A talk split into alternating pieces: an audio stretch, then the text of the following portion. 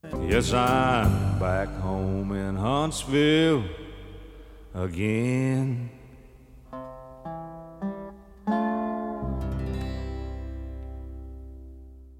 Welkom bij een extra editie van de Prison Show podcast ehm, op uh, prisonshow.nl.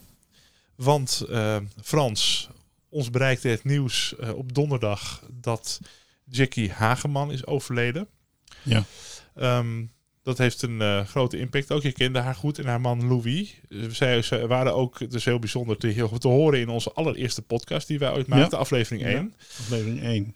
Toen heeft Louis nog uh, straf gekregen omdat hij zonder toestemming uh, met de media contact had gehad. Hij had verder niks verkeerds gezegd hoor. In die, ja. Maar dat, dat, dat is toen gebeurd. En, Daar spraken we ook met Jackie. Um, ja, wat, wat kun je vertellen over Jackie, haar leven? Ja, nou laat ik beginnen met, met um, uh, de enorme schrik van vanmorgen. Want um, ja, het, was, het is eigenlijk heel, heel snel gegaan. Ik had er onlangs nog aan de telefoon en toen, ja, toen was het nieuws van, uh, van ze had nog negen maanden uh, daarna. Ze was ziek, ineens. Ze, had, -hmm. ze was al ziek en ze werd daarvoor behandeld. En ineens was het van uitzaaiing in de botten. Dat was vorige week nog. Um, en ze heeft nog maar negen maanden. En eigenlijk direct na dat nieuws, of, of binnen een paar dagen, uh, ging het nog veel slechter. En de kanker was ook veel heftiger. En uh, nou ja, ik was eigenlijk van plan om vanochtend notabene, het is vandaag donderdag, om vanochtend bij haar langs te gaan. En er was een beetje twijfel, kan het wel, kan het niet, hè, vanwege haar toestand. Mm -hmm. Dus vanmorgen, ja, eigenlijk rond vijf uur, half zes, stuurde ik een berichtje naar uh, haar dochter Francis. Van, uh, ja, is het gepast als ik even om een hoekje kijk of kan het niet? En uh, die berichten terug van, sorry Frans, mijn moeder is net overleden. Dat gebeurde vanmorgen vroeg. Ja. Jij was ook vroeg, vroeg wakker. Ik weet niet of dat altijd zo is. Of ja, bijna altijd hoor. Als je een onrust of een, ja, ja. ja. Nou, wat wel wonderlijk was, dat was dat... Um, uh, ik heb toen, ik was alleen beneden, mijn vrouw was gewoon nog uh, in bed. En uh, ik heb een kaarsje gebrand voor uh, Jackie. Een kandelaar met een, met een kaars buiten. En ik ben even gaan zitten. En um, wonderlijk was dat allerlei mensen, ook uit mijn netwerk, om die tijd kennelijk al het bericht hadden opgepikt wat, wat Francis op Facebook had gezegd. En ook allemaal reageerden en naar mij toe reageerden. Dat was allemaal s'morgens uh, ja, ruim voor zeven uur dat iedereen daarmee bezig was.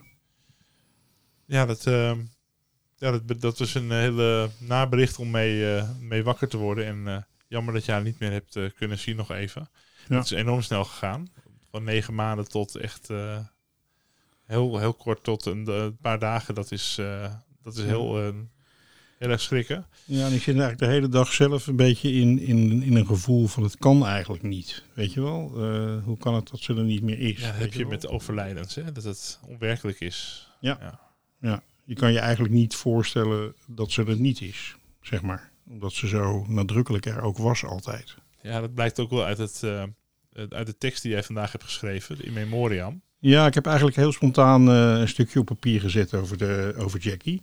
Um, zal ik het uh, voorlezen? Heel graag. Ja. In memoriam Jackie Hageman. Ook wel Jacqueline Johanna Kallebach. Geschreven op 19 mei 2022. Ze kunnen de pleuris krijgen, klinkt het door de telefoon in onvervalst Amsterdams. Jack en ik hebben het over hoe DJI met COVID-19 omgaat. De plastic schermen, langdurige afzondering op de eigen cel, het beperken van gedetineerden terwijl elk personeelslid zich zonder masker van buiten naar binnen en over alle afdelingen en weer naar buiten beweegt. Jackie en haar man Louis Hageman, die een levenslange gevangenisstraf uitzit, vinden de omstandigheden niet menswaardig en weigeren dus al twee jaar van die omstandigheden gebruik te maken. Jackie was een vrouw van de wereld. De uitdagingen die ze op haar levenspad tegenkwam, trad ze met dapperheid en vurig temperament tegemoet. Ze was puur en echt. zelf goud eerlijk en recht door zee en kon niet tegen onrecht. Jackie accepteerde geen bullshit van anderen. Tegelijk was ze warm, liefdevol en loyaal door dik en dun. Ze dacht ook altijd aan anderen, meestal meer dan aan zichzelf.